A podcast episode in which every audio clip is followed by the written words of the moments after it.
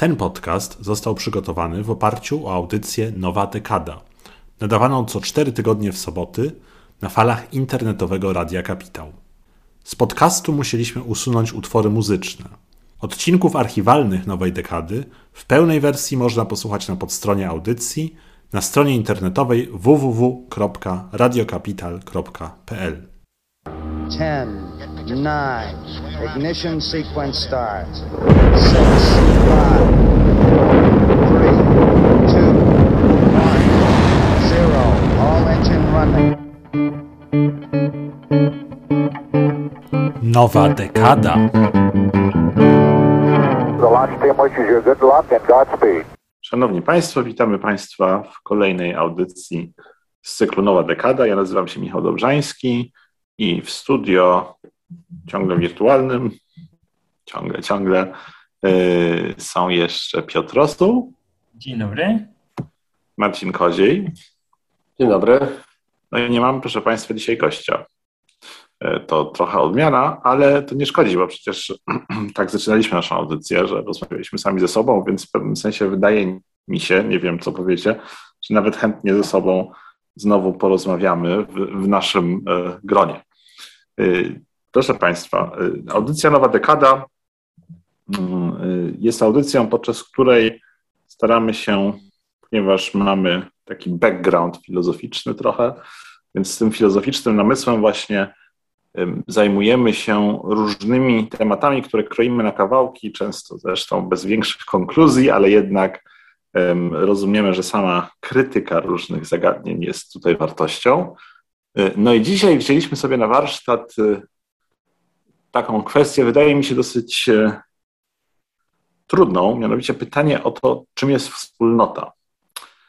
Ono jest dosyć abstrakcyjne, natomiast jednocześnie wydaje mi się, wydaje nam się, że jest dosyć aktualne, ponieważ y, no, mówimy ostatnio jakoś dużo też w takim powiedzmy dyskursie wręcz politycznym, y, dużo uwagi poświęcamy zagadnieniu zarówno wspólnoty w znaczeniu narodowym, ale też y, ostatnio dużo mówimy o wspólnocie europejskiej, czy o Unii Europejskiej jako o wspólnocie wartości na przykład, to też się ostatnio pojawia, więc pomyśleliśmy, że e, trzeba się jakoś zmierzyć z tym pojęciem, które jest jednym z pojęć, em, powiedzmy takich odnoszących się do myśli społecznej, tak, czy myślenia o, o społecznościach ludzkich, które ma pewną cechę dosyć charakterystyczną dla tych pojęć, a jednocześnie właśnie y, taką, którą chyba trzeba nazwać, mianowicie, że jest to pojęcie wysoce niedookreślone. Nie wiadomo do końca, co to takiego ta wspólnota jest y, i nie wiadomo w ogóle, w jakim sensie coś takiego jak wspólnota y, może mieć jakiś rodzaj podmiotowości, ponieważ to często jest jakby ta konsekwencja, o której, o której myślimy. Gdy mówimy o wspólnocie, to mówimy jak o jakimś pojedynczym czymś, co coś robi, ma jakiś rodzaj osobowości, ma jakiś rodzaj em, wspólnej etyczności czy czegoś takiego. Em, No to przecież wysoce problematyczne, ponieważ no, wspólnota zasadnicza, jeśli by tak spróbować empirycznie podejść do kwestii, no to jest po prostu zbieranina jakichś tam ludzi, których coś tam łączy, ale też wiele rzeczy dzieli, bo przecież każdy człowiek jest inny. Więc y, może spróbujmy w takim razie, Piotr już widzę, że się uśmiecha pod wąsem i też kiwa głową, że źle mówię. Także, y, także chciałbym, żebyśmy może zaczęli od próby po prostu zdefiniowania y, tego zagadnienia. Y, Czym ta wspólnota w ogóle, jak możemy to rozumieć? Czy też inaczej, co tak naprawdę mamy na myśli, gdy posługujemy się tym pojęciem? Bo przecież można jakby podać jakąś taką normatywną definicję zaproponowaną przez jakiegoś myśliciela, ale druga sprawa jest taka, że po prostu to pojęcie też w języku funkcjonuje y, i wszyscy się nim posługują, a szczególnie chętnie politycy, y, więc też to pytanie trzeba będzie postawić. Ale to i może ja już za dużo mówię. Y, Piotrze, widzę, że ty jesteś chętny, także prosimy bardzo. Nie, no bo, bo przedstawiłeś jedną z opcji na temat rozumienia wspólnoty i to podkreślenie jednostek, które się na wspólnotę mm, składają, no jest charakterystyczne jednak dla myślenia tego właśnie bardziej stowarzyszeniowego, tak? Czyli, że te jednostki są racjonalnymi aktorami, którzy podjęli decyzję, żeby wspólnie stworzyć jakiś byt ponadjednostkowy i w ten sposób powstaje wspólnota. Czyli no to muszę Cię od razu, przepraszam, dla naszych słuchaczy, co to jest myślenie stowarzyszeniowe, czy też myślenie bardziej stowarzyszeniowe, Jasne. tak powiedziałeś? E, no, jakby zakładamy, że wspólnoty są tworzone trochę na zasadzie spółek akcyjnych albo organizacji, albo instytucji. To znaczy, że wspólnota oznacza tylko zbiór osób należących do mm, tego samego tworu instytucjonalnego, do tej samej organizacji. I w tym sensie, że nie ma mm, jakby wymiaru jakiegoś mm, organizystycznego, czy takiego tworzenia się wspólnoty e, samorzutnie, czy w wyniku jakichś przesłanek związanych z tradycją, z kontekstem kulturowym, w którym ci ludzie funkcjonują itd., tak itd., tak że te wszystkie rzeczy są drugorzędne. Pierwszorzędne jest podjęcie decyzji przez te, tych ludzi, żeby tworzyć tę wspólnotę, tak? I że właśnie wspólnota jest takim zbiorem jednostek, które podjęły taką decyzję, żeby do tej wspólnoty należeć. Natomiast w myśleniu o wspólnotach. No, funkcjonuje też drugi nurt, który głosi, że wspólnota to jest byt mm, quasi naturalny, to znaczy, że jakby wynika on z pewnych uwarunkowań współpracy międzyludzkiej, które nie są kwestią swobodnej decyzji jakby podjętej przez kogoś, tylko raczej wynikają pewnych okoliczności, które do pewnego stopnia tym członkom tej wspólnoty są narzucone. Oczywiście można się z tym nie zgadzać, no ale nie, nie twierdźmy, że to nie istnieje jako opcja na, Mm, na planie definiowania tego, czym wspólnota jest albo nie jest. No to tak trochę, trochę mi zabrzmiało, jakbyś przedstawił takie bardziej, przepraszam, że użyję tych dużych słów, ale bardziej takie liberalne i bardziej konserwatywne spojrzenie na zagadnienie wspólnotowości ludzkiej. Przy czym to konserwatywne byłoby właśnie to zakładające, że y, jest to coś niezależnego od woli jednostek, w pewnym sensie, że jesteśmy y, w jakiejś wspólnocie to chyba można by też tak określić, że, że to pierwsze rozumienie, oj, przepraszam, że to pierwsze rozumienie e, jest rozumieniem takim, które w pewnym sensie bierze za model tej wspólnotowości coś w rodzaju jakiegoś takiego aktu prawnego, tak? Jakiś, że modelem jest ta umowa, tak? Czyli, czyli że strony zawierają dobrowolnie umowę, że teraz to będą stanowić pewną całość, która pod pewnymi względami będzie jakoś tam połączona. Natomiast dla tego drugiego modelu to co? To rodzina w takim razie, tak? Czy jakieś takie właśnie coś, na co, na co nie, mamy, nie mamy za bardzo wpływu. No ale to, czy w takim razie to też podszyte nie jest zupełnie inną koncepcją tego, czym jest człowiek, jednostka ludzka? Tutaj się zastanawiam, prawda, że, że też w takim razie, no bo, no bo jeżeli zakładamy, że wspólnota jest y, jakimś takim właśnie, powstaje wskutek jakiegoś takiego dobrowolnego aktu przyłączenia się na mocy umowy, no to wtedy też mocno podszyte jest to taką wizją, że każdy człowiek jest właśnie taką pełni autonomiczną jednostką, atomem wręcz, tak, który, który może w pełni suwerennie jakby podjąć tego rodzaju de decyzje.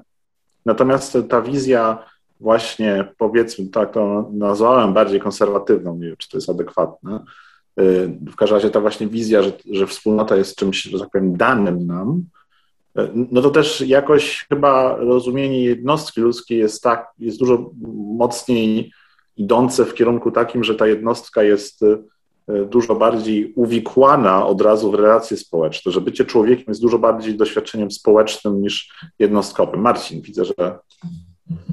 Mm, Piotrze, ty tak e, powiedziałeś e, właśnie zarzuciłeś Michałowi to, że poszedł w kierunku jakiegoś społeczeństwa obywatelskiego, czy czegoś takiego właśnie stowarzyszeniowego w swojej definicji, a jednak Michał powiedział o podmiotowości wspólnoty, w sensie zadał pytanie o podmiotowość wspólnoty, czyli, czyli jest jednak coś więcej niż tylko umowa, a, i także wspomniał o wartościach i o etyce. Ja się zastanawiam, czy tutaj trochę za, za bardzo nie przeskoczyliśmy od razu do jakiejś takiej liberalnej definicji społeczeństwa, które chyba jednak nie ma co się tak śpieszyć i do niej wskakiwać. E, I to się zgodzę, że to społeczeństwo obywatelskie jest e, miejscem, gdzie człowiek może realizować swoją e, naturę, jaką jest wolność, w sensie tak zdefiniowana natura człowieka. Natomiast może też są różne rodzaje wspólnot w ramach tego, tego tych bardziej to, co zostało nazwane konserwatywnych wspólnot, ale może nie chodzi tylko o konserwatywne wspólnoty. Może wspólnota, która jest modelowana na rodzinie, czyli chyba, jak rozumiem, też patriarchalna e, wspólnota, to jest jeden typ wspólnoty, ale możemy mieć też e, rodzaje wspólnoty, które nie są dobrowolne, umowne i tak dalej, ale nie są też tak bardzo rodzinne, że tak powiem. Czy jakiś... E, gdzieś tam zastanawiam się nad, nad tym połączeniem między wspólnotą a wspólnym czy community a commons, że jest, jakieś, jest jakaś rzecz, jakaś sprawa, która też poza wartościami czy etyką mogłaby taką wspólnotę fundować. Jasne. Czy moglibyśmy przejść do przykładów? No bo jakby przykłady mm, w tych dwóch modeli podaliśmy, czyli Michał wspomniał o tym, że ta Pierwsza koncepcja jest właśnie tą koncepcją umowy, czyli że jakieś zakładamy stowarzyszenie i to jest model wspólnoty. Druga rzeczywiście jest często jakby ekstrapolowana z rodziny, tak? czyli że jesteśmy włączeni w tę wspólnotę mm, w ramach socjalizacji i później, że, że jakby ta, ten, ten element socjalizacyjny i bycia wrzuconym w tę wspólnotę, niezależnie od swojej woli do pewnego stopnia, jest również rozciągany na, na większe jednostki niż sama rodzina. Czym miała być to, to ta wspólnota tego trzeciego rodzaju, o którym mówisz, której ci brakuje w tej naszej typologii? No na przykład y, moglibyśmy sięgnąć do przykładu polis.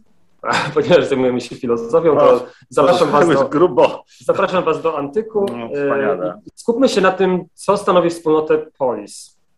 Jak wiemy, jest to wspólnota wolnych obywateli, mężczyzn, można z tej wspólnoty wylecieć, będąc e, wygnanym. Jest to jakaś wspólnota też względem właśnie równości tego obywatelstwa, czyli jak rozumiem, względem jakiegoś prawa, które też jest e, czymś innym niż wartości etyka. No nie jest to, nie jest to modelowane na rodzinie również, ponieważ zakładasz to jakąś równość tego zbiorowiska. Co na to? Jak byście to, to, ja, określili? Ja, Czy to jest wspólnota? Znaczy, to ja, ja, ja meta uwaga mojej strony metodologiczna, że ja uważam, że wielkim nieszczęściem filozofii jest ciągłe odwoływanie się do antyku, szczególnie właśnie w tłumaczeniu jakichś takich współczesnych rzeczy. W sensie, że nie wiem, co nam. Ja wiem, że są myśliciele bardzo poważni, którzy y, właśnie sięgając do antyku w jakiejś mierze y, rekonstruują, powiedzmy, nasze rozumienie wspólnoty, ale ja, ja często mam poczucie, że że, że to tak naprawdę jest bardzo silną, po pierwsze, projekcją na ten antyk, którego zrozumieć w jakiejś mierze już nie możemy po prostu, bo mamy tylko jakieś śladowe rzeczy, a po drugie jest też jakby próbą, czy jest jakby projekcją taką retrospektywną, tak, że, że bierzemy jakby naszą rzeczywistość i projektujemy ją w tą przeszłość, ale Słusznie. jest też drugi wymiar, mianowicie taki, że bierzemy jakąś konstrukcję z, z, czasów, które są nieporównywalne pod bardzo wieloma względami z tym, w czym my żyjemy, i następnie z tego próbujemy wyciągnąć sobie coś, jakąś taką czapę, czy jakąś taką ramę, którą włożymy w naszą rzeczywistość, żeby się poczuć, że lepiej tę, tę rzeczywistość rozumiemy.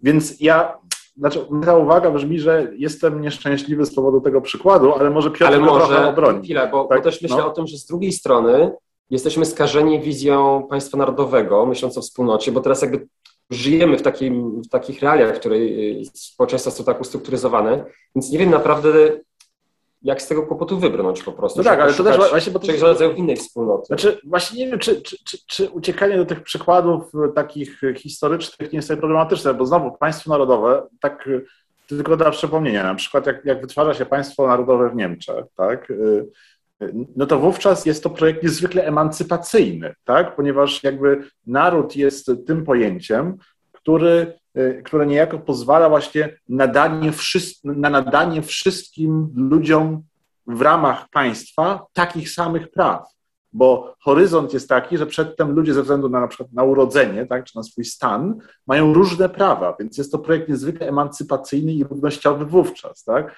Dzisiaj jesteśmy w sytuacji, że niejako rozszerzyliśmy w ogóle nasze pojęcie te, tego, jakby kogo mają w ogóle obejmować prawa, mamy w ogóle koncepcję praw człowieka i tak dalej, tak? I, I w pewnym sensie teraz koncepcja państwa narodowego jest właśnie, wydaje się tam niezwykle wąska, ale to jest też taki trochę chichot historii, tak? jak bardzo to się zmienia w sumie w bardzo niedługim czasie, więc um, bo przecież nie wiem, w czasach Fichtego, na przykład jak on pisze te mowy do narodu, y, niemieckiego, no to tam to raczej chodzi właśnie o taki projekt emancypacyjny, przynajmniej takie jest y, moje rozumienie tamtego, tamtego okresu. Ale to znowu jest meta uwaga. Piotrze, może tych, tych Greków jednak, że to polis. Powiedz coś o Hanie Arendt i Ale że... zmieniliście temat po drodze. E, więc odnosząc się raczej do ostatniego w pierwszej kolejności, to spójrz, że powstanie mm, państwa narodowego w Niemczech, no to tak jak nawet byśmy zaczęli z tym Fichtem, czyli druga połowa XVIII wieku, ale tak naprawdę wiek XIX cały to jest, cały czas się toczy aż do zrealizowania tego projektu w, w drugiej połowie XIX wieku, no ale jednocześnie rewolucja francuska idzie pod hasłami ogólnoludzkich jakichś zmian w postrzeganiu E, wartości rozumu i miejsca człowieka w świecie. I mm, deklaracja praw człowieka i obywatela to jest końcówka XVIII już wieku, tak? gdzie właśnie to napięcie mm, pomiędzy emancypacją jako członka wspólnoty i emancypacją jako jednostki znajdującej się w, ramach ludzkości jest już bardzo mocno widoczne, tak? bo tam właśnie ten obywatel i człowiek jest troszeczkę zamiennie używany i trochę nie wiadomo do końca, czy oni deklarowali prawa obywateli Nowej Republiki Francuskiej, czy raczej właśnie prawa e, ludzi jako członków e, wspólnoty ludzkiej. Nie jest to mm, jasne wtedy i nie jest to jasne do, do dzisiaj. Czy do dzisiaj mamy jakby pewne problemy, że z jednej strony mamy prawa człowieka, do których zgłaszają akces państwa jako do umowy międzynarodowej, no a z drugiej strony te prawa człowieka są używane w ramach dyskusji wewnątrz poszczególnych państw jako e, czegoś, co ma przysługiwać jednostkom, a nie osobom będącym częścią jakiegoś porządku prawnego, jak ma miejsce w przypadku praw w danym, w danym państwie. To tak jakby Trzeba jeszcze dodać, że to rewolucja francuska to jednak były prawa ogólnomęskie. A, no jeszcze tak. Znany punkt krytyczny, tak, że, tak, że jakby... Piotrze, ja tylko dopytam, mhm. czyli jeżeli państwo podpisuje międzynarodową umowę, że będzie przestrzegać praw człowieka, to tylko będzie przestrzegać wobec swoich obywateli, bo obywatelek, no, czy wobec wszystkich ludzi. Co najmniej nie wiadomo, co się dzieje z ludźmi, którzy nie są właśnie obywatelami żadnego z państw, który, który byli akcjonariuszami, byliby jakby zgłosili akces do tychże praw. To, to jest jakby niejasne do końca. Taki, stąd pojawia się, czy on występował zresztą przez całą historię e, ludzkości, no ale teraz jest dodatkowo jakby obarczony dużym ciężarem gatunkowym pytanie o osoby, które nie mają właśnie obywatelstwa, tudzież też o sytuacje, kiedy państwa nie realizują tego swojego zobowiązania. Tak, kto miałby egzekwować to zobowiązanie, skoro zazwyczaj jest tak, że to poszczególne mm, właśnie instytucje państwowe są obarczone tym obowiązkiem egzekwowania prawa, przestrzegania prawa itd. Tak itd. Tak Więc tutaj no to, to, to dużo wątków nam się otworzyło, to może teraz rozładujemy trochę napięcie piosenką. Zapraszamy Państwa w takim razie na piosenkę, a wracamy po piosence. Nowa dekada.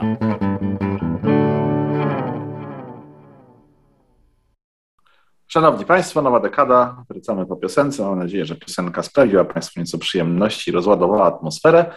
No i pomyśleliśmy, w, jak byliśmy na ofie, że może z tych licznych wątków które nam się otworzyły, bo dyskutujemy dzisiaj o pojęciu wspólnoty, że zaczniemy od powrotu do Grecji. Zurück nach Griechenland. Prosimy bardzo. Tak, i mi, mi, się ten Marcin na przykład podoba i ja lubię, no, ja nie jestem e, przeciwnikiem mm, czerpania z historii, zgadzam się z tą Michale, że to nie wygląda tak, że my jesteśmy w stanie przeniknąć te epoki i zrozumieć, jak to było i że to jest jakaś nasza projekcja, wykorzystania. Ja tylko chciałem powiedzieć krótko, że ja nie jestem w zasadzie przeciwnikiem, tylko ja, ja zawsze to, co chciałem powiedzieć, to że trzeba być bardzo ostrożnym z tym, bo bardzo łatwo popaść jakieś swoje wyobrażenia na ten temat y, y, i jakby bronić je dostępnie, że to jest historyczne, tak? Tak, to no, jest to niebezpieczeństwo. Jesteśmy dzisiaj na, na, w audycji historycznej o Grecji, więc jakby mamy świadomość, że nie, nie rozmawiamy o Grecji tak naprawdę starożytnej, tylko rozmawiamy o tej projekcji Grecji starożytnej we współczesności i kwestii wpływu tejże projekcji na rozumienie wspólnoty. I myślę, że to i dla nas, i dla słuchaczy jest jest jasne, co pozwala nam się nie upierać później przy tym, że to tak wyglądało te 2,5 tysiące lat temu, tylko raczej, że jakieś nasze wyobrażenia na temat tego, jak to mogło wyglądać, czy jak rozumiemy, jak to mogło wyglądać, jak to wpływa na nasze postrzeganie siebie dzisiaj. I z tej perspektywy to jest rzeczywiście ciekawy przykład, że możemy się odwołać do tego polis. Tylko, że tutaj powtarzają się niektóre te zarzuty, które już padły przed y, piosenką, czyli po pierwsze to jest męska wspólnota y, obywateli, po drugie ta wspólnota obywatelska dotyczy tylko osób o określonym statusie. No, jest to jakby jakaś obywatele stanowią niewielki odsetek całego społeczeństwa, w którym funkcjonują. I trzecia sprawa, która mm, ciekawie wyszła też w tym przytoczeniu przez Marcina tego przykładu, no właśnie można zostać z tej wspólnoty y, wykluczonym, ale nie jest tak łatwo do niej dołączyć. Tak? Czyli to nie jest tak, że ktoś, kto chce zostać obywatelem, to może zgłosić swój akces, e, zapisać się do obywatelstwa w polis. Tak? To nie, nie można uzyskać obywatelstwa poprzez zapisanie się. I w tym sensie, mimo wszystko, wydaje mi się, że ta wspólnota ma pewne no właśnie wspólne, nomen omen, e, elementy z tym mm, takim rozumieniem wspólnoty na zasadzie bardziej rodzinnej, czyli że dbamy o pewne e, wspólne zamierzenia i stanowimy pewną wspólną jednostkę organizującą e, świat wokół siebie, wokół pewnych swoich celów, wokół pewnej wspólnoty wartości. Przecież nawet właśnie w tym, w tym kontekście filozoficznym ta, to pytanie o wspólnotę wartości też odgrywało ogromną rolę. Czy dlaczego Sokrates został zmuszony do popełnienia samobójstwa? No właśnie dlatego, że w pewnym sensie podważał zasady funkcjonowania tej wspólnoty, czyli jakby za dużo rozmawiał z młodzieżą na temat tego, że ta wspólnota nie jest czymś samooczywistym, nie jest czymś, co może posiadać pewien autorytet właśnie wspólnoty kulturowej i, i etycznej. Więc w tym sensie ja bym jednak e, dopatrywał się wielu takich elementów, które by to polis wrzucały również do mm, tego tej wizji wspólnoty quasi-rodzinnej, czyli jakoś takiej, której nie można się zapisać, takiej, która nie jest stowarzyszeniem. No może nie. A czemu, czemu ta rodzina ci się tak e, rzuca ciągle na usta? Jako, nie, nie, nie mamy na przykład czegoś bliższego, może plemię na przykład.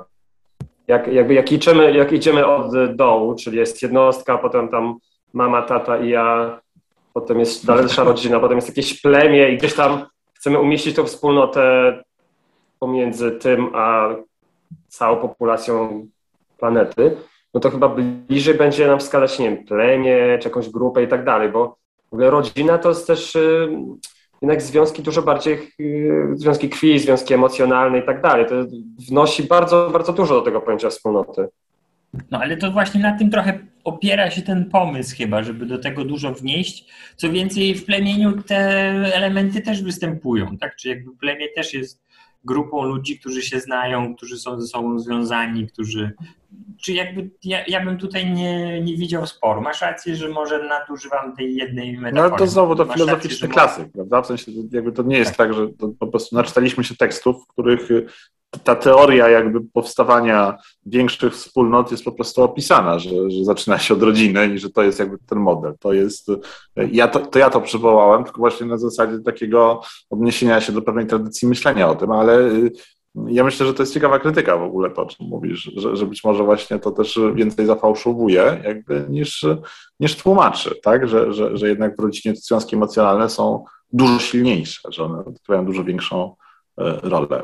Piotrze, ci, przepraszam. Nie, nie, no chodzi mi o to, że to nie w tym problem. Czy jakby mm, szukałeś, Marcinie, trzeciego przykładu? Wydaje mi się, że jesteśmy, oczywiście w każdej sytuacji jesteśmy w stanie coś sprowadzić na siłę, tak? Ale że tutaj to nie byłoby nadużyciem, żeby powiedzieć, że to polis jednak ma więcej wspólnego z tym takim właśnie e, rozumieniem e, wspólnoty organicystycznej, już pomijając czy rodzinnym, czy plemiennym, w tym sensie, że właśnie no, podstawowa kwestia, do polis nie można się zapisać, do stowarzyszenia można się zapisać. Szachmat. Marcin mm -hmm. się zastanawia, proszę Państwa. No, nie, no, zastanawiam się, bo mam jeszcze jeden przykład, y, taki późniejszy. No mówi się, że jest wspólnota na przykład chrześcijan. i jak ona na przykład tutaj by miała się do, do, tego, do tej jakby trzeciego modelu wspólnoty. No, chrześcijanie są wielką rodziną, co by nie powtarzać. No i chyba można też do tej wspólnoty wejść poprzez jakiś rytuał, tak? czyli też nie jest to takie proste. No, łatwiejsze niż polis i łatwiejsze niż w niektórych innych religiach, tak? No to tutaj właśnie wspólnoty religijne będą miały to do siebie, że mm, mają różne właśnie te mm, rytuały czy, czy koncepcje na temat tego, co trzeba zrobić, żeby wejść do owej e, wspólnoty. I rzeczywiście, wspólnota chrześcijańska jest tutaj ciekawym przykładem, no w tym sensie, że mm, nie jest e, organicystyczna, w tym sensie, że nie mm, trzeba być jej członkiem od urodzenia, czy jakby można zgłosić się do niej i zostać przyjętym, no ale jednocześnie nie jest y, stowarzyszeniem w tym sensie, żeby to wypisanie się i zapisanie było jakoś takie łatwe, czy, czy żeby było tylko sprawą formalną. Ono zawiera w sobie też takie elementy właśnie jakiegoś uczuciowego kontaktu i poczucia wspólnoty, mm, pewnych emocji, które z tym mają być e, związane. Więc y, myślę, że to jest rzeczywiście ciekawszy przykład jakiejś innej formy niż, e, niż te dwie podstawowe, dwa podstawowe typy czy modele, o których rozmawialiśmy na początku. No dobrze, bo teraz jeszcze drugi wątek, który poruszyliśmy, no to była ta kwestia, że przynależność do wspólnoty wytwarza także fakt podlegania pewnym prawom, tak?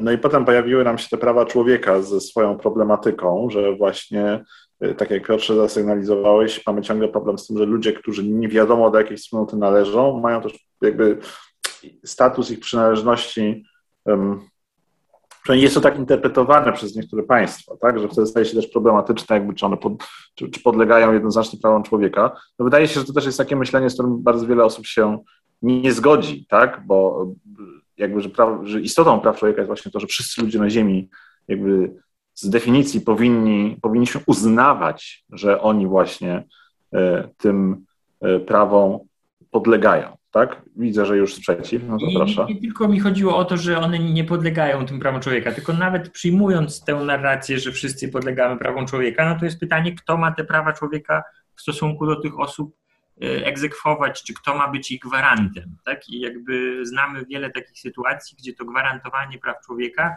było instrumentalizowane tak? Czyli jakby e, jest taka cała książka mm, Wallersteina europejski uniwersalizm jako retoryka władzy, to się bodajże nazywa. I tam jest wiele przykładów zastosowania przez Stany Zjednoczone praw człowieka jako uzasadnienia swojego oddziaływania i ingerencji w porządek prawny innych państw, tak? jakby jako arbitra mm, ustanawiającego to, czy te prawa człowieka mają być realizowane, czy nie w określonej formie. No, jednocześnie same Stany Zjednoczone e, wymyśliły Guantanamo częściowo po to, żeby właśnie, czy, sformułowały Guantanamo na innym terytorium, po to, żeby nie musieć pewnych elementów swojego porządku prawnego w stosunku do tych osób, które tam były zamknięte, przestrzegać. Także no, to jest tu jakby jeszcze bardziej niż pytanie o to, czy one podlegają prawom człowieka, pytanie o to, kto ma te prawa człowieka w stosunku do nich realizować, kto jest ich gwarantem.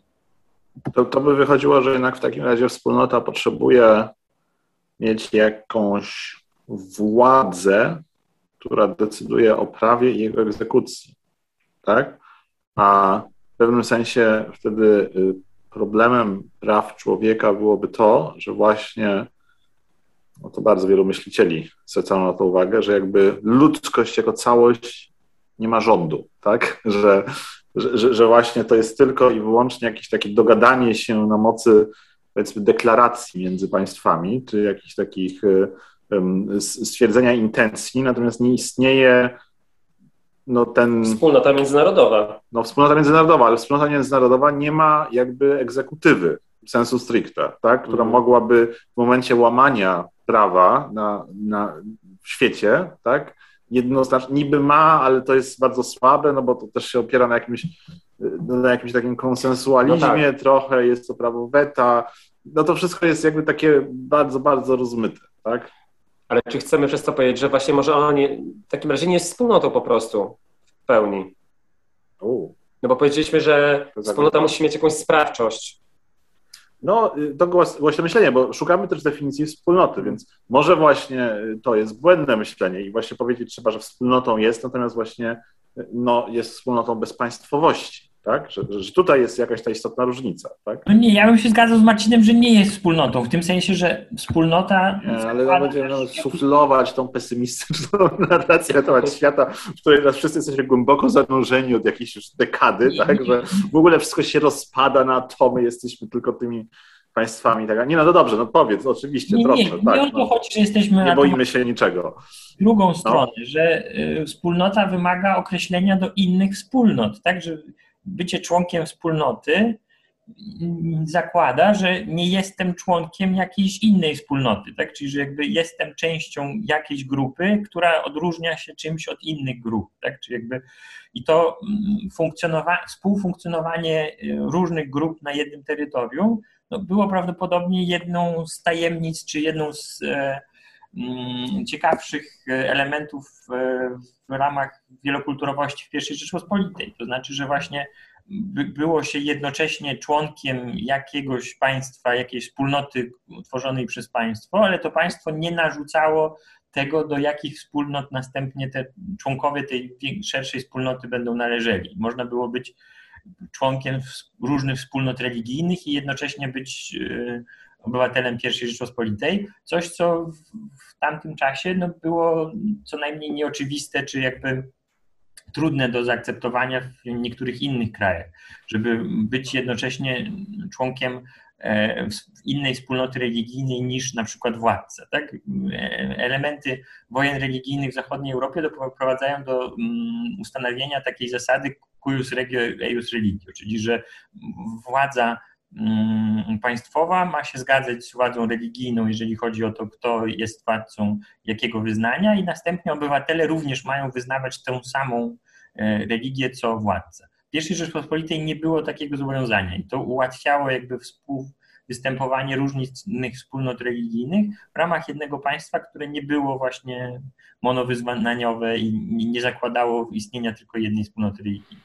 Więc w tym sensie tutaj ta wspólnota międzynarodowa nie istnieje, no, również właśnie z tego względu, że nie wiadomo, jak ona miałaby mm, podchodzić do relacji pomiędzy różnymi wspólnotami na tych innych poziomach swojego działania. Takie jakby mm, moje obawy związane z takimi nadziejami na temat wspólnoty międzynarodowej, że dotyczą tego, że to by wymagało jakiegoś no, właśnie pominięcia ludzkiego zróżnicowania, tak jakby doprowadzenia do tego, żebyśmy wszyscy byli pod wszelkimi względami podobni, żebyśmy mogli być członkami tej wspólnoty międzynarodowej i że to byłby duży koszt, jeżeli chodzi o uzyskanie takiego efektu.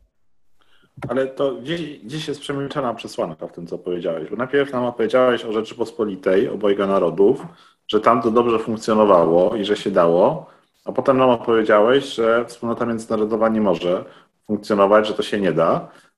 Więc y, gdzie jest ta przemilczana przesłanka, że jednak Rzeczpospolita obojga narodów się rozpadła, nie utrzymała swojej państwowości, więc się nie da i dlatego też powinniśmy teraz porzucić nadzieję na to, że wspólnota międzynarodowa będzie mogła funkcjonować, albo nawet y, wspólnota, nie wiem, typu Unia Europejska, która przecież też jest jakoś tam oparta właśnie o konsensualizm, tak?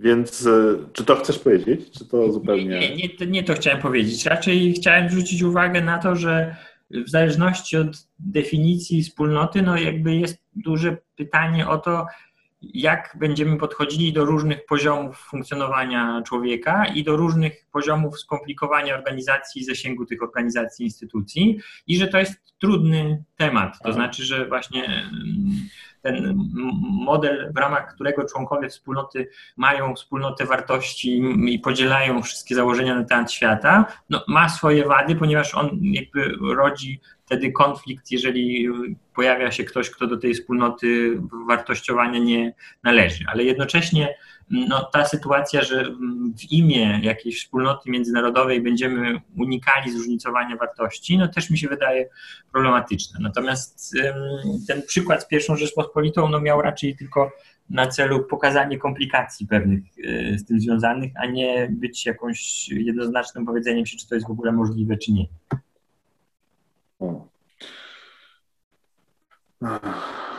No dobrze, to ciągle poszukujemy tej, tej definicji wspólnoty w takim razie. Mm, i chyba na razie jeszcze konkluzji nie mamy, tak? Bo rozumiem, że to, co mówisz, to tylko, że to jest skomplikowane i powinniśmy być ostrożni, ale nie wiemy ciągle jakby do końca, o czym, o czym tutaj w naszej dyskusji jest mowa.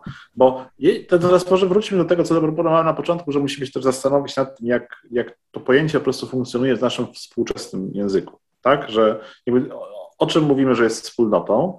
No i wydaje się, że tutaj jednak ta konotacja y, właśnie jakiejś takiej, że wspólnota to jest coś innego niż tylko taki związek oparty o jakiś akt prawny, jest dosyć silna, tak? Że gdy mówimy o wspólnocie, to jednak właśnie myślimy o jakiejś wspólnej, nie wiem, prze- przekonania o charakterze jednak takim moralnym, czy nawet jakiejś takiej historycznej ciągłości pewnych praktyk, tak, że, że, no, że to zawsze jest taki, takie pojęcie, którym politycy lubią się posłużyć, na przykład, żeby to powiedzieć, że wspólnota Polaków, coś tam, ale też na przykład na poziomie Unii Europejskiej. To też się pojawia, prawda, że to jest właśnie wspólnota europejska, że Unia Europejska jest jakby nie tylko związkiem, powiedzmy, takim o charakterze ekonomiczno-handlowym, tak, tylko właśnie jest też wspólnotą wartości. Znowu jest ta, ta silna konotacja, y, powiedzmy, o charakterze etycznym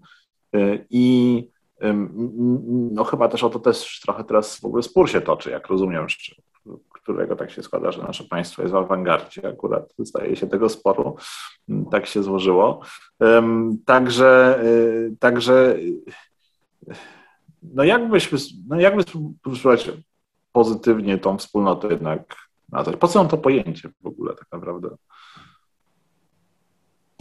Żeby określić ramy zbiorowego współistnienia. Chyba na to jest odpowiedź dosyć jasna. To znaczy, że potrzebujemy odpowiedzi na pytanie, jakie mamy je- relacje z innymi ludźmi i jak te relacje z innymi ludźmi są stopniowalne, tak? Czyli jakby, że z jednymi mamy bliższe, z innymi mamy dalsze e, i tak dalej, i tak dalej. I mam nadzieję, że nie na szmitańskim poziomie, że musimy sobie ludzi podzielić na przyjaciół i wrogów, no ale mimo wszystko jakby no, ułatwia nam myślenie o sobie w świecie, świadomość tego, jak blisko w zależności od przynależności grupowej mm, odczuwamy mm, jakieś podobieństwa, różnice, mm, wspólnotę celów, też jakby jakieś e, chęć pomagania sobie nawzajem i tak dalej, i tak.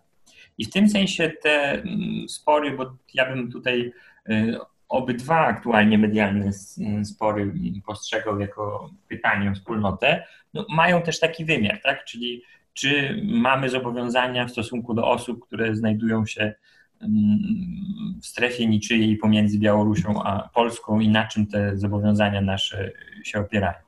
Y, Czy mamy zobowiązania w stosunku do sędziów em, europejskich trybunałów i znowu na czym te zobowiązania się em, opierają. Do kogo mamy większe zaufanie? Do e, Trybunału Konstytucyjnego w Polsce, czy do e, Europejskiego Trybunału Sprawiedliwości, czy do Komisji Europejskiej? No to to są jakby pytania, na które nie ma mm, odpowiedzi bez odpowiedzi na pytanie o wspólnotę, no bo właśnie dotyczą również tego, komu ufamy, z kim mm, chcemy jakby toczyć dalej nasze życie w, przyszłość, a od, od kogo troszeczkę byśmy się oddalali, z jakiego powodu. Chyba puścimy piosenkę, bo tyle, tyle znowu grubych tematów, że chyba musimy sobie dać chwilę oddechu. Dobrze, to zapraszam Państwa na piosenkę, wracamy po piosence. Nowa dekada.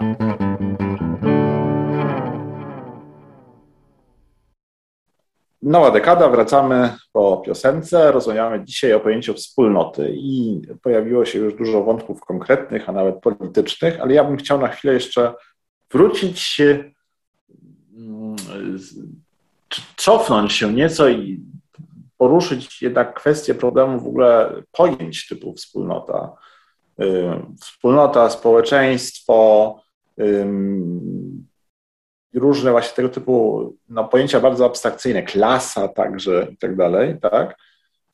Którymi bardzo chętnie posługujemy się dyskutując właśnie o społeczeństwie. No, w pewnym sensie są takim wręcz no, takie kluczowymi narzędziami tak, do analizy społecznej. Y, I ja zawsze mam, mam jakieś takie poczucie, że, że, że w pewnym sensie posługując się nimi, y, bardzo sobie upraszczamy rzeczywistość, tak? ponieważ i że wręcz używamy tych pojęć, które de facto są nazwami no, zbiorów jednostek, tak? W sensie, że jakby w terenie rzeczywiście to jest zawsze, są zawsze poszczególni ludzie, których następnie mówimy, że to są, że to jest klasa, nie wiem, robotników albo klasa średnia, tak? Ale to są, już o tym trochę mówiłem, że to są bardzo różni ludzie, których następnie badacz, komentator, publicysta, polityk zamyka w pewnym zbiorowym pojęciu. Tak ta dynamika zawsze wygląda. Jak mówimy, że jesteśmy wspólnotą Polaków, tak? To ktoś de facto narzuca nam że jesteśmy pod pewnymi względami podobni do siebie, nie do końca wskazując pod jakimi względami. I też to jest jakby jeden element tych właśnie pojęć ogólnych i, ich, i zagrożenia z nich płynących w pewnym sensie. A drugi element jest taki, że my następnie zaczynamy, zaczynamy traktować te byty nazwane takim pojęciem, na przykład wspólnota, jakby to były podmioty ludzkie. W sensie strasznie to jest takie antropomorfizowanie tych bytów. Także zaczynamy mówić o nich tak jakby, że wspólnota czegoś chce. Wspólnota nie wiadomo na czym w ogóle polega chcenie wspólnoty. To jest, to jest, to jest wysoce ryzykowne twierdzenie i ono też jest wysoce normatywne. Jakby ten, kto mówi, że tak jest, projektuje w to twierdzenie strasznie dużo swoich własnych przekonań, ekstrapoluje strasznie dużo swoich własnych prywatnych przekonań w tego typu twierdzenie, a jednocześnie mam wrażenie, że jakby tak, w takich dyskusjach nie, nie, widzimy tego problemu. To mnie zawsze fascynuje. Tak, że, że, że my ciągle po prostu o wszystkim mówimy właśnie przy pomocy tego rodzaju pojęć. Także to w ogóle jest żaden problem mówić, że wspólnota Polaków przecież coś tam chce, a czegoś tam nie chce, albo tam, no nie wiem, że jakaś klasa na przykład Polaków, to ona dąży do tego, żeby się teraz e, jakoś tam powiedzmy, nie wiem, wyemancypować, dorobić, kupić sobie dom pod miastem. Klasa dąży do tego, żeby sobie kupić dom pod miastem, nie? Tego typu twierdzenia one po prostu fruwają w eterze jakby naszych dyskusji. No przecież one są wysoce problematyczne i w ogóle nie wiem, czy nie więcej zaciemniają. No i jedną z odpowiedzi, jak to zdefiniować, jest oczywiście statystyka, tak, że można powiedzieć, że statystycznie jakby, to, to wtedy jest jakieś tam badanie, ale no przecież nie stosujemy ich tylko w znaczeniu statystycznym, tylko właśnie w dużo szerszym i mam wrażenie zawsze, że przemycamy strasznie dużo y, sądów normatywnych przy, przy, przy, tej okazji i własnych przekonań, które ubieramy jakby w taki język jakichś takich faktów społecznych. No i um, tak naprawdę pytanie brzmi po prostu, czy, czy, czy, widzicie to zagrożenie i, i, jak sobie z nim radzicie? Czy, czy, czy, zgadzacie się, że to jest jakiś taki ogólny problem języka, mówienia właśnie o, o takich szerokich grupach? No ja sobie zdaję sprawę z tego, że tak to wygląda, natomiast nie bardzo mam pomysł, jak mogłoby wyglądać inaczej. I to byłaby część odpowiedzi na Twoje pytanie. A druga część byłaby taka, że to dobrze, że jest ten aspekt subiektywny i normatywny z mojej przynajmniej perspektywy, no bo dzięki temu jakby jesteśmy w stanie się zastanawiać nad tym, co chcemy robić, czego nie chcemy robić, jak postrzegamy rzeczywistość jak tę rzeczywistość chcemy kształtować. Natomiast mm, ten argument mówiący o tym, że nie możemy się posługiwać takimi pojęciami, bo wspólnoty tak naprawdę nie istnieją, no, często jest wykorzystywany z kolei przez właśnie szeroko rozumianą stronę liberalną różnych sporów, tak? Czyli jakby e, jeżeli byśmy się przejęli tym zarzutem, o którym powiedziałeś, czy nie zostajemy jako jednostki pozbawione możliwości porozumiewania się, ponieważ do każdego słowa można się przyczepić i każde pojęcie można skrytykować, mówiąc, że no, tutaj uogólniłeś, bo powiedziałeś coś o czymś, o czym nie możesz wiedzieć, bo jak rozłożyć to na czynniki pierwsze, to wygląda to inaczej. No tak, to, ale no proszę, proszę. Mhm. Bo to jeszcze powiem, bo ja przyznam, że no, zgadzam się totalnie z tym i trudno się przywiązywać do tej grupy wskazanej przez jakieś pojęcie, czy to powiem właśnie o klasie, czy to powiem o jakiejś wspólnocie i, i wyobrażam sobie, żeby tu chodziło o to, żeby dokładnie przeszpelić, czy ja jestem w tej wspólnocie, a Piotr w jakiejś innej. Raczej myślę jednak o tej właśnie mm, organiczności tego pojęcia, czy jego działaniu. Czyli jeżeli mówię na przykład o wspólnocie, to mam na myśli jakiś społeczno-dynamiczny mechanizm, w którym ta wspólnota współgra z jakimiś innymi mechanizmami. Jak mówimy o klasie, no to podobnie. Powiedzmy, mamy klasę posiadaczy na przykład, no to też nie wiadomo, jak bardzo trzeba, jak dużo trzeba posiadać, żeby w tej klasie być. Natomiast y, mówimy o wpływie tej klasy na przykład na klasę, która nie posiada nic poza swoją pracą. I chyba też trzeba tutaj mieć bardzo dużo sceptycyzmu do tych pojęć i, i w pamięci trzymać to, że zawsze to jest tylko pewna perspektywa i projekcja, która za tym idzie. Natomiast y, jak powiedziałeś o tej statystyce, to myślę, że y, chyba statystyka jest najbardziej precyzyjna, ale zarazem nieprecyzyjna w takim sensie, że coś nam wychodzi, zrobimy badanie na, na populacjach, na przykład te populacje są reprezentatywne i rzeczywiście te, te badania, te, te, wnioski statystyczne rzeczywiście działają, no bo bardzo dużo rzeczy, także tych niedobrych, którym jesteśmy poddawani, na przykład reklamie, w internecie, profilowaniu i tak dalej, to po prostu działa statystycznie, ale nie da się tego, nie da się tego wyciągnąć takiej mm, inteligibilnej wiedzy, możemy powiedzieć, czy czegoś, co dałoby się opowiedzieć, czyli, czyli znowu jest tam jak, jakiegoś rodzaju y, taka statystyczna mętność, która się nie przykłada na, y, na jakąś mądrość w rozmowie, w dyskursie i w pojęciach. Czyli ostatecznie jednak to, co Piotr powiedział, że zawsze ten subiektywny czynnik jest i tak. że jest ten interpretator, tak, który włoży w to tą jakąś syntetyczną narrację, w te, w te, w te liczby, tak, które się pojawiają, i on jakby narzuci po prostu ten dyskurs i, i tak jak powiedział Piotr, to nawet jest dobrze, tak? W tym sensie, że nie da się tego zrobić na, inaczej, więc e, dobrze, że możemy o tym pogadać. Tak. Właśnie nie, raczej rozdzielił. A? Prosty przykład dosyć, no.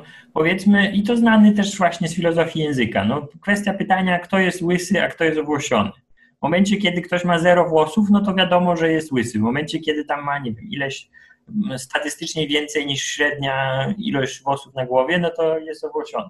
Natomiast no, jest cała sfera zjawisk, w ramach których będzie to kwestią interpretacji. No i trudno powiedzieć, żebyśmy teraz mieli ustalić jakąś konkretną liczbę włosów, którą trzeba mieć, żeby nie być osobą łysą i następnie liczyli ludziom włosy na głowie po to, żeby stwierdzić, czy ktoś jest owłosiony, czy łysy. Więc jakby no, tutaj... Ale, ale dokładnie dla, hmm?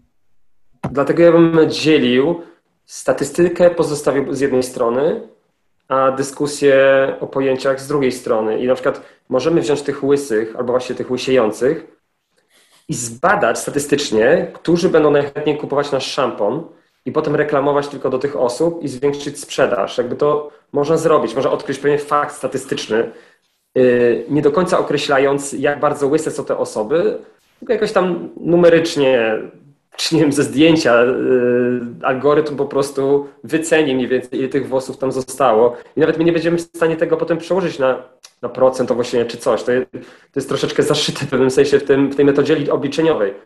Natomiast kiedy jesteśmy po stronie pojęć i chcemy dyskutować, kto jest łysy, a kto nie, no to właśnie rzeczywiście wchodzi ten efekt subiektywny, wchodzą te pojęcia i tutaj właśnie po tej stronie też jest wspólnota. Natomiast chyba dzieje się źle, kiedy ktoś próbuje wziąć pojęcia typu wspólnota, zmiksować to z faktami statystycznymi i ogłosić nam prawdę objawioną dzięki temu. To ja się chyba tak muszę tutaj zgodzić, że i, tak jak teraz mówiłeś, to pomyślałem, że jednak jest coś wysoce niepokojącego w myśli, żeby definiować wspólnotę przez jakby dane statystyczne, że, że to jakoś w ogóle nie pasuje do tego pojęcia, prawda? Że, że, że ono, że ono jest, pod, używamy go w innym celu niż właśnie rozmowa o, o statystyce, tak? Że, że, to jest po prostu in, no, no, skoro już dzisiaj jakoś zawędrowaliśmy w te y, regiony filozofii języka, no, że to inna gra językowa, tak? Że w pewnym sensie językowej, w której mm. mówisz o faktach statystycznych, bardzo trudno jest mówić o, o, wspólnotowości, że to jakoś się wyklucza po prostu przez jakiś zupełnie inny zakres y, odniesienia do czegoś. No, ale to, to dobrze. Piotrze, ty też jeszcze chciałeś coś powiedzieć, tak? Tak, tak. No ja chciałem dołożyć jeszcze y, przykład Schopenhauerowski, którego się od ciebie nauczyłem. Także tym sposobem pojęcia nie on, są... On skąd się wziął tutaj? No proszę, no, proszę, proszę. Tak. Nie są e, jakimś takim narzędziem do odzwierciedlenia rzeczywistości w sposób doskonały i wzorcowy, tylko są też elementem wymiany poglądów pomiędzy ludźmi. Jakby jeżeli przedstawimy sobie poglądy jako takie banieczki, chyba już wspominaliśmy o którejś w audycji o tej metaforze Schopenhauera, no to jakby częścią dyskusji politycznych, etycznych, ale też codziennych naszych ze sobą nawzajem, no jest pytanie o to, jak te banieczki przesunąć trochę bardziej w swoim kierunku. Czy jeżeli ja zmywam naczynia i wynoszę śmieci, to już wystarczająco jestem osobą wykonującą swoje obowiązki domowe, czy też nie. Jeżeli w pracy spędziłem 7 y, godzin 40 minut, ale musiałem raz wyjść wcześniej, no to czy to jest jakoś naruszenie regulaminu, czy nie jest naruszenie regulaminu. No i wiele innych jest tego rodzaju sytuacji, w ramach których no, samo pojęcie jest do pewnego stopnia plastyczne i częścią relacji jest właśnie kombinowanie, jak można je dodefiniować danej sytuacji, przesunąć jego znaczenie w taki sposób, żeby odpowiadało na mm, potrzeby obu stron jakiejś rozmowy czy, czy sporu. Może jeszcze pociągnijmy to, krótko ten wątek, bo to jest, to jest jednak dobry wątek, przekonałeś mnie. Że, że może ostatecznie po prostu musimy przyjąć, że po pierwsze język jest nieostry i zawsze jest y, przestrzenią negocjacji, tak? Nawet właśnie w takich kwestiach jak, e, czy ja jak wykonuję swoje obowiązki pracowe zdefiniowane jako nam 8 godzin pracy w ciągu dnia, jeżeli wychodzę po 7 godzinach 45 minutach, tak? No i odpowiedź w pewnym sensie może być taka jakaś właśnie taka ostra odpowiedź umysłu takiego mocno właśnie y, analitycznego, że, że no oczywiście nie, bo brakuje tych 15 minut, ale przecież jakby rzeczywistość jakby taka społeczna funkcjonuje zupełnie inaczej. Jeśli wszyscy będą mieli poczucie, że wykonałeś, tak, to jakby tak podbicie karty czasu pracy będzie zupełnie zbędne. To zawsze jest jakiś rodzaj negocjacji, tak, ale jeszcze jest drugi wymiar, mianowicie czy, czy w ogóle ta potrzeba właśnie postrzegania rzeczywistości przez pryzmat tych takich ostrych granic wyrażanych liczbowo, tak, skwantyfikowanych i tak dalej, czy to czasem też nie jest jakaś projekcja jakiejś naszej potrzeby emocjonalnej w rzeczywistość, która taka po prostu nie jest, tak? Znaczy rzeczywistość w pewnym sensie też jest nieostra, ma rozmyte granice, a to my ludzie jakby sobie te granice chcemy domykać. I jeśli byśmy się zgodzili na coś takiego, no to wówczas można zacząć myśleć o pojęciu wspólnoty właśnie jako o pojęciu bardzo potrzebnym w gruncie rzeczy, żeby uchwycić coś, co właśnie ostro ograniczać się nie da, ale jednak y, y, ma jakieś odniesienie w rzeczywistości, tak? I myślę, że tutaj teraz będziemy mogli y, się nad tym chwilę pozastanawiać, ale nie wiem, może piosenka i potem pójdziemy tym tropem? Dobrze, to zapraszamy Państwa na kolejną piosenkę. Nowa dekada.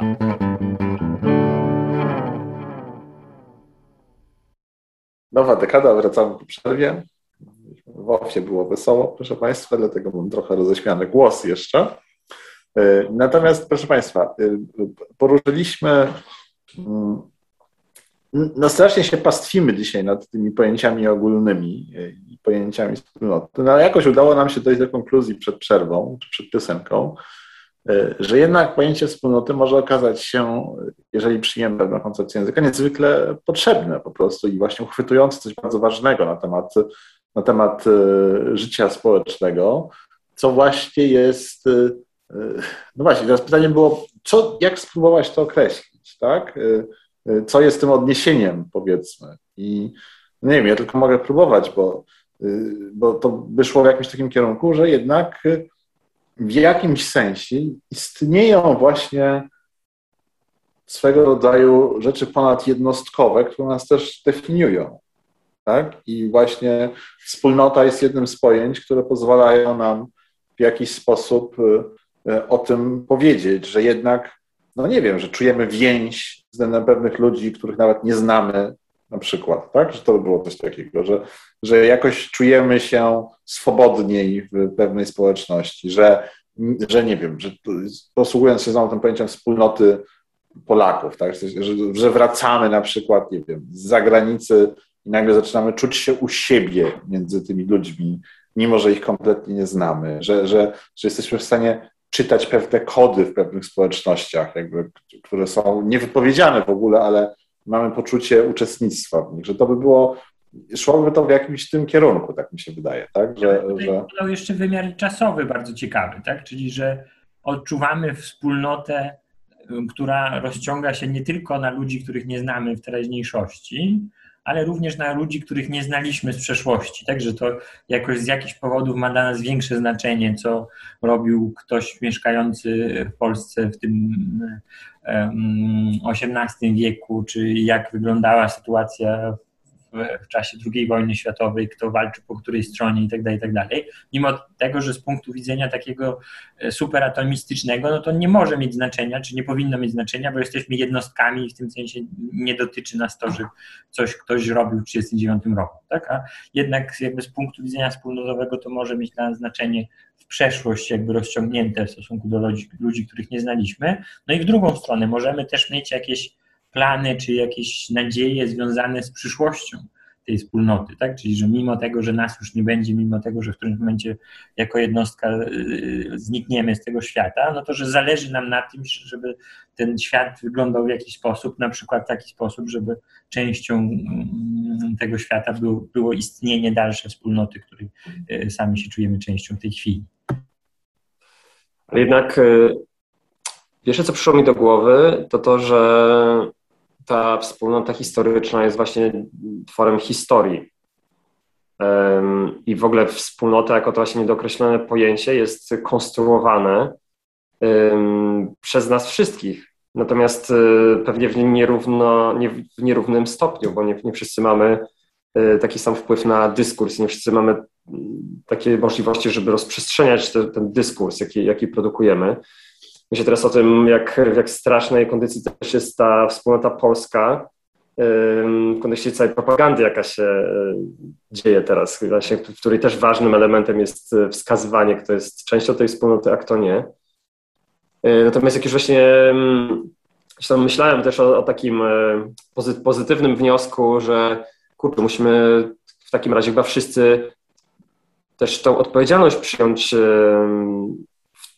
we współtworzeniu e, wspólnoty i mieć odwagę do tego i czuć się uprawnionym, żeby, żeby mówić, nie, wspólnota Polaków to jest to, co ja mówię, bo, bo tak naprawdę wszyscy mi robią dokładnie to samo rzecz, czyli mówią, wspólnota tych ludzi to jest to, co ja mówię i te wartości. I gdzieś jest fałszem to, że niektóre osoby mają większą rację, a inne mniejszą. Natomiast e, jeszcze Michał wjechał z podobnym innym tematem, Mianowicie takimi rzeczami, które są bardzo mm, przy ciele, jak, jak, jak e, Michał powiedziałeś o tym czuciem się, czu, po, poczuciu u siebie, o tym, że na przykład o, tak w Polsce zupa pomidorowa jest taka z kuskami lanymi jak nigdzie indziej, to, to jest totalnie niedyskursywne, nie? To są też jakieś tam modusy współżycia po prostu, sposoby współżycia, jakie, jakie są e, w danej e, społeczności, a i chociaż też się zastanawiam, czy wspólnota i społeczność tutaj utożsamiamy te dwa pojęcia, ale chyba tak. Znaczy, no jeżeli przy, znaczy bardzo intrygująca jest teza, że zupa pomidorowa z kluskami lanymi jest niedyskursywna. To jest.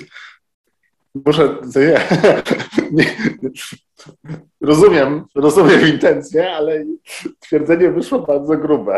W jakimś sensie. No trochę jest dyskursywna, bo właśnie opowiedziałeś tam to i jakoś to tak. ja nawet bym teraz taką zupę zjadł. Ale, ale abstrahując od tego, to no, no, no zastanawiam się, czy, czy, czy y, to była wspólnota i to drugie pojęcie, które podałeś, społeczność. Tak? Społeczność, tak? bo ty też użyłeś tego pojęcia. Ale czy to nie jest tak, że, że właśnie jeżeli przyjmiemy to, to no bo teraz przeszliśmy trochę takie nastawienie życzliwe względem tego rodzaju pojęć, tak?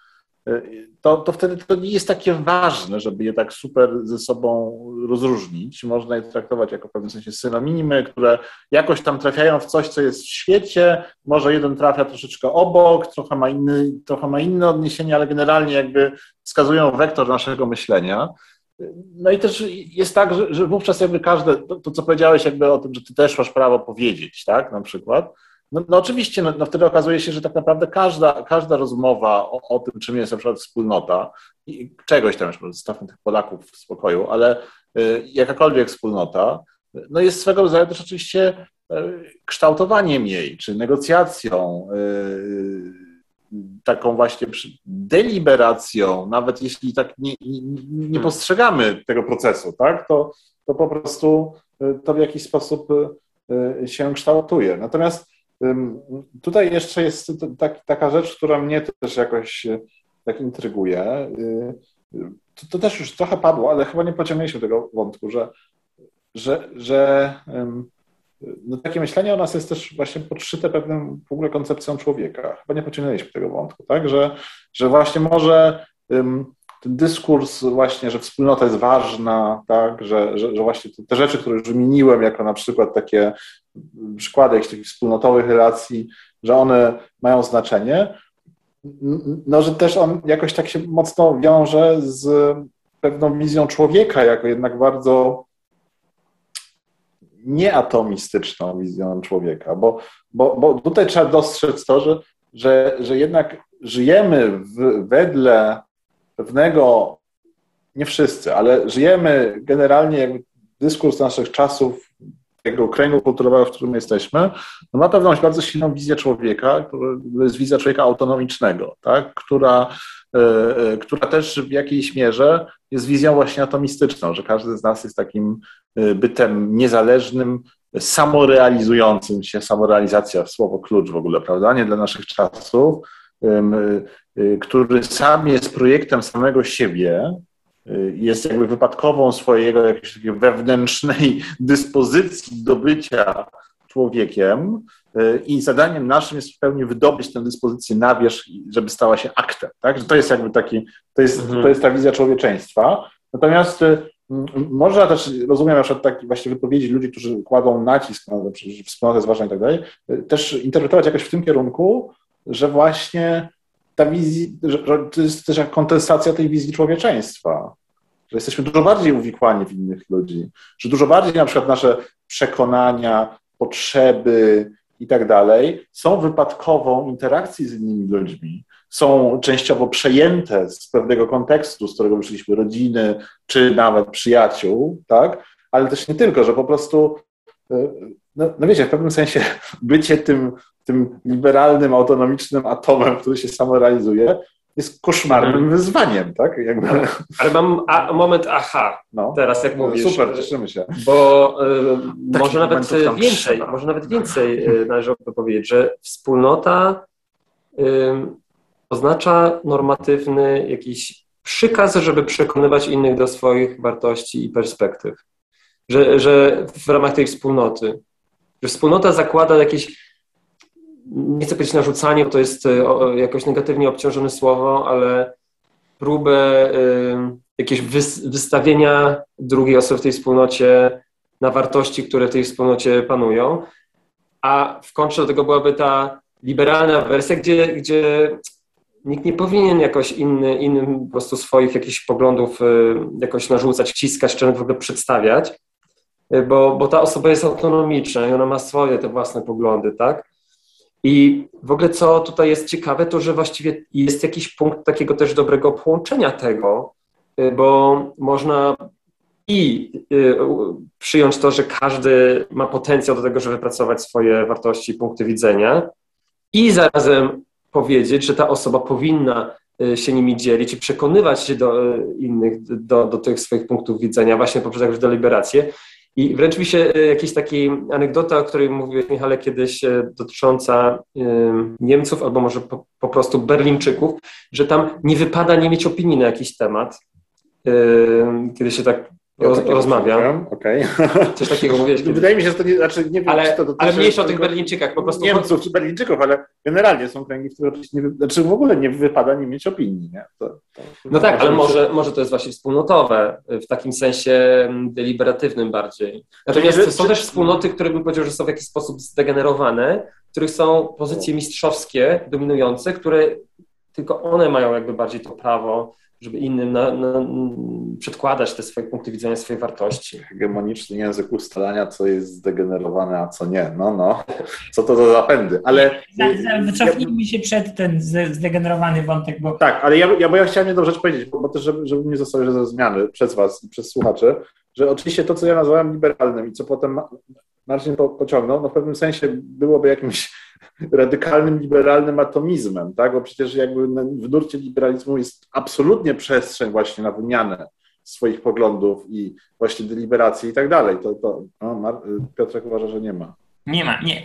Nie, właśnie dlatego, że A? Marcin tutaj uchwycił moim zdaniem bardzo ważny, Dobrze, to Piotrze, to ty powiedz. No. bardzo ważny moment w tym sensie, że to nie jest tak, że mówienie o wspólnocie i myślenie o wspólnocie y, nie przeciwstawia się niczyim poglądom, czy że ta deliberacja obejmuje całe spektrum i nie ma jakby wpływu na naszą, nasze miejsce na, na spektrum politycznych y, światopoglądów, bo właśnie poprzez posługiwanie się tym pojęciem i wskazywanie, że mamy za zadanie negocjować ze sobą te relacje w ramach wspólnoty i też to, co Marcin o czym wspomniał, że mamy jakąś wspólnotę wartości, którą chcemy się dzielić z innymi ludźmi em, ze względu na swoją przynależność do wspólnoty tych wartości, no, to jest coś, co, co wykracza poza taką liberalną wizję, wizję człowieka.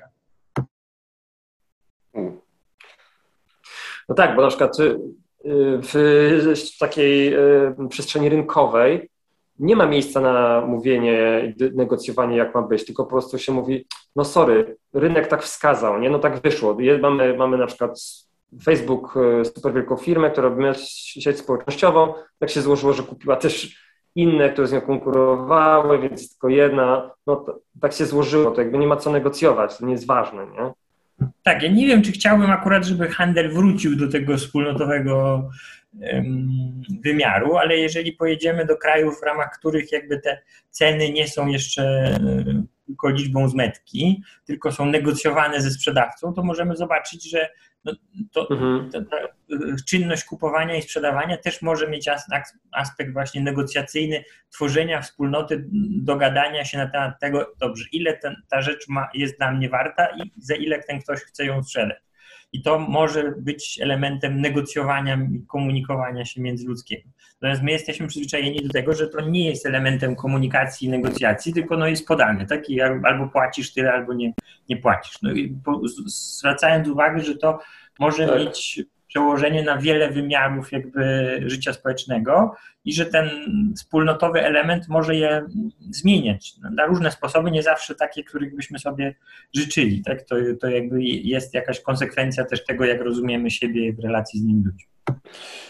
Znaczy świetny przykład też dodam do tego, że e, ostatnio oglądałem e, przedwczoraj materiał o bardzo ponurej sytuacji w Libanie ekonomicznej. Właśnie był po- pokazywany jakiś e, sklepikarz, który przy, przykładał kartki notesu, gdzie miał po prostu zapisane osoby, którym coś sprzedał na kreskę, tak? czyli jakby sprzedał z opóźnioną zapłatą. Nie? No To jest jak najbardziej właśnie e, wspólnota w działaniu tutaj.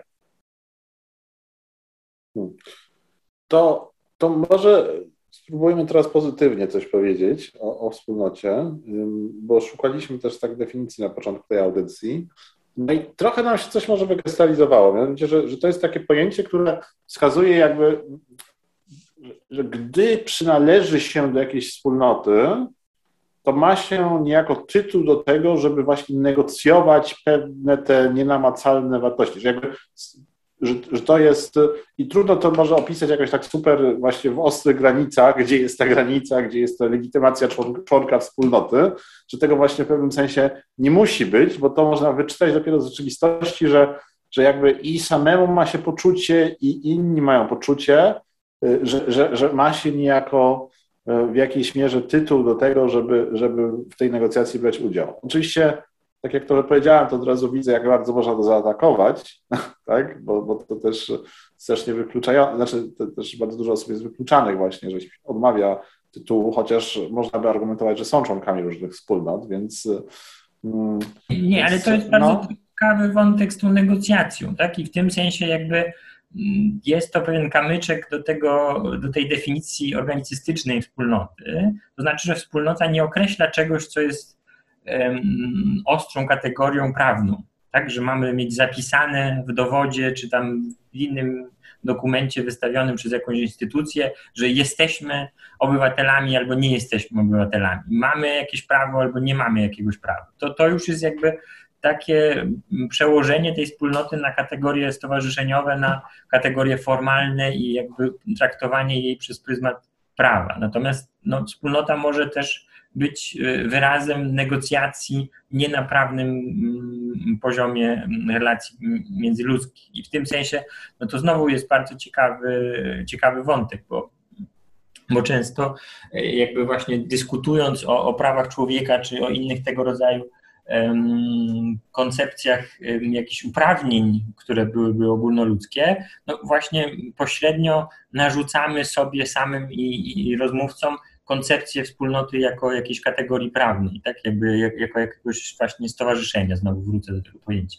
Natomiast jeżeli przyjmiemy, że to jest taka przestrzeń negocjowania czegoś, tak, no to tutaj odchodzimy od tego prawnego aspektu, czyli jakby umniejszamy jego znaczenie i zwracamy uwagę, że właśnie te różne rzeczy związane z współprzebywaniem, z mm, współkształtowaniem rzeczywistości, negocjowaniem jej y, są, są ważniejsze niż same kwestie prawne może można by też zaryzykować takie twierdzenie, że właśnie wspólnota jest takim pojęciem um, przednaukowego światopoglądu na świat trochę, tak? Że, że właśnie ten naukowy świat, ten, ten scientyzm taki domagający się właśnie tych ostrych definicji i tak dalej, um, trochę nam narzucił potem te kategorie właśnie takiego ostro zdefiniowanego obywatelstwa, ostro zdefiniowanej przynależności do różnych organizacji przez jakieś spełnienie jakichś wyartykułowanych, wyeksplikowanych kryteriów. Natomiast y, ludzkość też potrafiła funkcjonować jakby w taki dużo bardziej niedookreślony sposób i, i w pewnym sensie przynależność do wspólnoty była, mm, była dużo bardziej rozmyta, ale jednak była. Dobrze, to może jeszcze piosenkę i jeszcze sobie wrócimy pod koniec ostatniej części naszej audycji do, do, do tych wątków, które nam się wydają najbardziej tutaj jeszcze wymagające domknięcia, ale póki co zapraszam Państwa na piosenkę. Nowa dekada.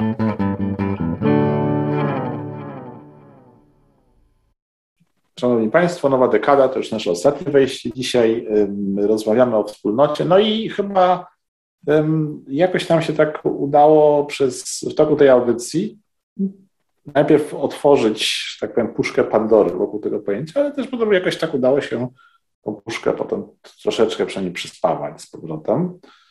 E, więc zastanawiam się, czy mamy jakąś taką szerszą konkluzję. I tak czuję energię od Piotra Losoła, że tam jakaś konkluzja jest. E, tak, no ta przyspawana, przyspawana puszka Pandory wyglądałaby chyba następująco, to znaczy, że, że ta, to pojęcie wspólnoty powinniśmy traktować w ten sposób, że to jest coś takiego, co nam pozwala nazwać te związki między ludźmi i relacje z innymi ludźmi, które mamy. I że co więcej, to, to nie jest tak, że, że one nie, nie mają jakiegoś znaczenia, czy że, że są pomijalne, czy że są czysto formalne, tak? tylko że, że to jest ważne jakby jak współprzebywamy z innymi, jakie mamy z nimi podzielane cele i, i, i, wartości. No a jednocześnie nie musi z tego wynikać wcale, że, że mielibyśmy chcieć te wartości i, i cele jakoś narzucać wszystkim, tak? Tylko, że to właśnie ta, ta, ta wspólnotowość może być sama przestrzenią negocjowania tego i, i współbycia z innymi ludźmi w ramach takich przestrzeni, które nie są aż tak jasno zdefiniowane, ale jednocześnie pozwalają na, na wzajemną rozmowę na temat tego, na czym nam zależy. I już. Tyle. Marcinie, ale no. Bo jeszcze, Piotrze, wspomniałeś na ofie o roli e- etyki w tym, o której my nie rozmawialiśmy, co prawda, ale wydaje mi się, że jakby się to umiejscowił? Co z etyką? Nie, no w tym sensie, że, że tak, tak rozumiana wspólnota no, daje większą przestrzeń dla wartości etycznych. Tak? Czyli, że właśnie jednym ze sposobów rozumienia wspólnoty byłoby podzielanie jakiegoś nastawienia do świata, czyli podzielanie wartości etycznych i mm, ustanawianie ich w taki sposób, że no właśnie my należymy do wspólnoty osób, które takie wartości etyczne e, uznają za ważne i, i jakby tworzenie tego my wokół pewnych wartości. No tak, tutaj jest tylko właśnie pytanie, czy w ogóle nie było dzisiaj o mediach społecznościowych i o współczesnych. Czasem nie jest tak, że właśnie y, nam rozpadamy się przez to na, na takie małe wspólnotki, które mają te swoje wspólnoty etyczne, y, ale że właśnie mamy tutaj problem na poziomie właśnie społeczeństw, w sensie takim politycznym, że, że, że tutaj się przez to sypiemy trochę, tak? Że, że to też to by był taki jeszcze... Chcesz otworzyć z powrotem puszkę, widzę. Tak, tak w tonacji molowej tutaj coś powiedziałem teraz na koniec.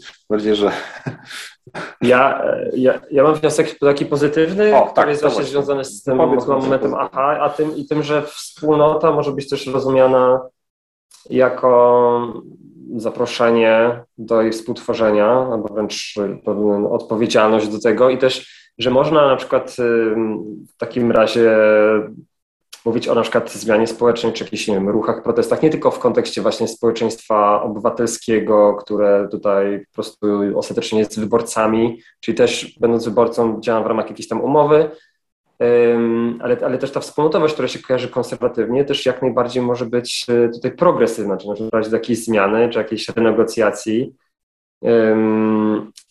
I, I też ten element deliberatywny tutaj można włożyć, czyli można połączyć coś trochę jednak niedookreślonego i subiektywnego z deliberacją, która jest przejawem tego czystego rozumu, czy tam społecznego rozumu. Więc y, nie wiadomo, czego przejawem jest, ale musimy, musimy kończyć. Y, Społeczeństwo obywatelskie notabene to jest też tak tajemnicze pojęcie, że może kiedyś będziemy musieli się nim zająć, E, ale to, to kolejnym razem. To była, proszę Państwa, audycja Nowa Dekada. Można nas posłuchać co czwartą sobotę e, na falach e, Radia Kapitał. No i odcinki są też w formie archiwalnej dostępne na stronie radiokapital.pl oraz w różnych innych miejscach w internecie. Pewnie Państwo sobie poradzą ze znalezieniem ich, tak sądzę. Bardzo serdecznie Państwu dziękuję za uwagę dzisiaj. No i żegnam się z Państwem. Ja się nazywam Michał Dobrzański, a w studio wirtualnym byli jeszcze Piotr Rosuł Dziękuję bardzo. Do usłyszenia. i Marcin Koziej. Chcesz Marcinie się do pożegnać? usłyszenia. Kłaniamy się Państwu. 10, 9, ignition sequence starts. 6, 5,